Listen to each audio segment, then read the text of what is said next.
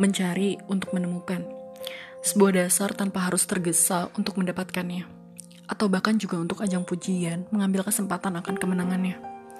Karena saya yakin, dalam proses sebenarnya itu kelak akan hadir dia yang bukan untuk sekedar mencari yang pantas, namun saling memantaskan. Dia yang sepaham dan sadar karena kesungguhan itu dilalui dengan dua pihak, bukan sepihak. Jangan nyakitin diri sendiri ya. Itu namanya jatuh cinta.